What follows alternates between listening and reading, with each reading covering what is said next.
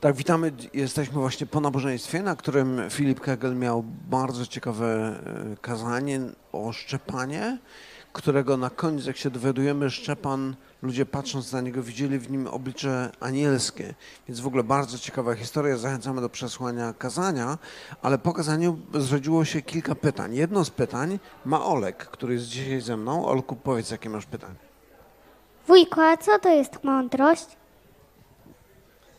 No, to jest bardzo mądre pytanie, można powiedzieć.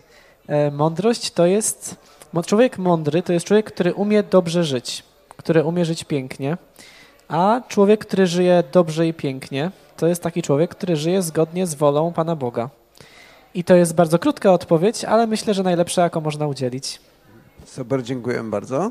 A ja mam jeszcze jedno pytanie i to pytanie jest związane z tą ilustracją, którą podawałeś o mieście, w którym w nocy palą się latarnie i ludziom te latarnie bardzo się podobają, ale w pewnym momencie wschodzi słońce, natomiast oni e, o dziwo są tak przywiązani do tego światła z latarni, że to światło słoneczne im przeszkadza.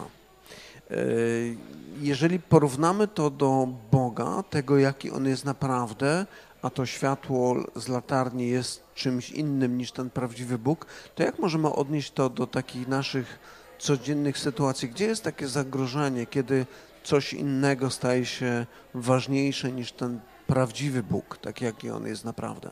Mhm.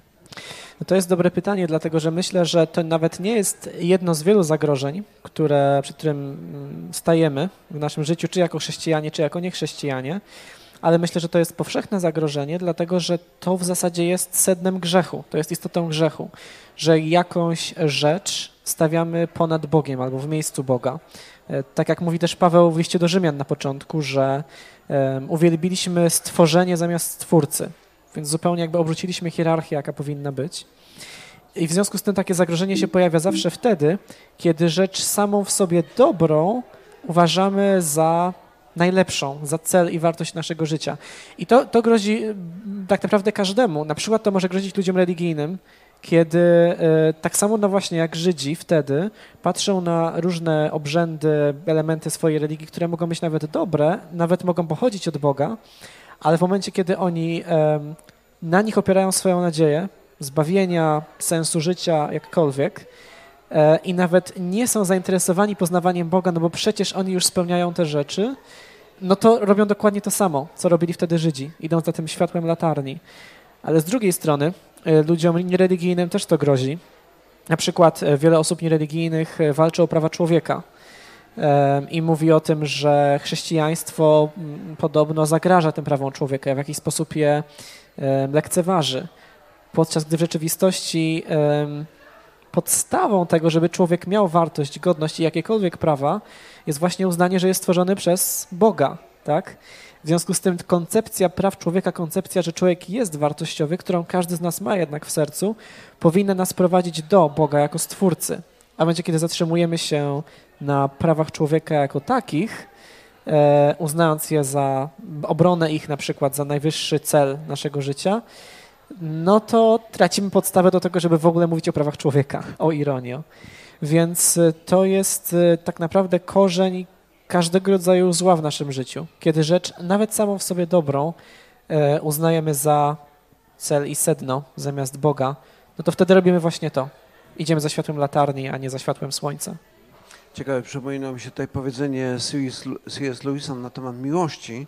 Mówi, że w Biblii jest takie zdanie, Bóg jest miłością, ale jeżeli zamienimy kolejność słów w tym zdaniu, czyli miłość jest Bogiem, to on mówi tak dość dobitnie, mówi wtedy miłość staje się demonem. I wydaje się, że wtedy właśnie to chyba właśnie tak działa, że coś, co nie jest Bogiem, zostanie wyniesione do poziomu Boga, zaczyna być demonem, który zaczyna niszczyć dookoła wszystko i tak właściwie staje się ze wszystkim. Tak, no Louis miał chyba niezwykły talent, jaki niewielu ma do ujmowania sedna sprawy w niewielu słowach. No i rzeczywiście ja to rozumiem w ten sposób, że Bóg musi być punktem wyjścia do wszystkiego, do zrozumienia całego naszego świata.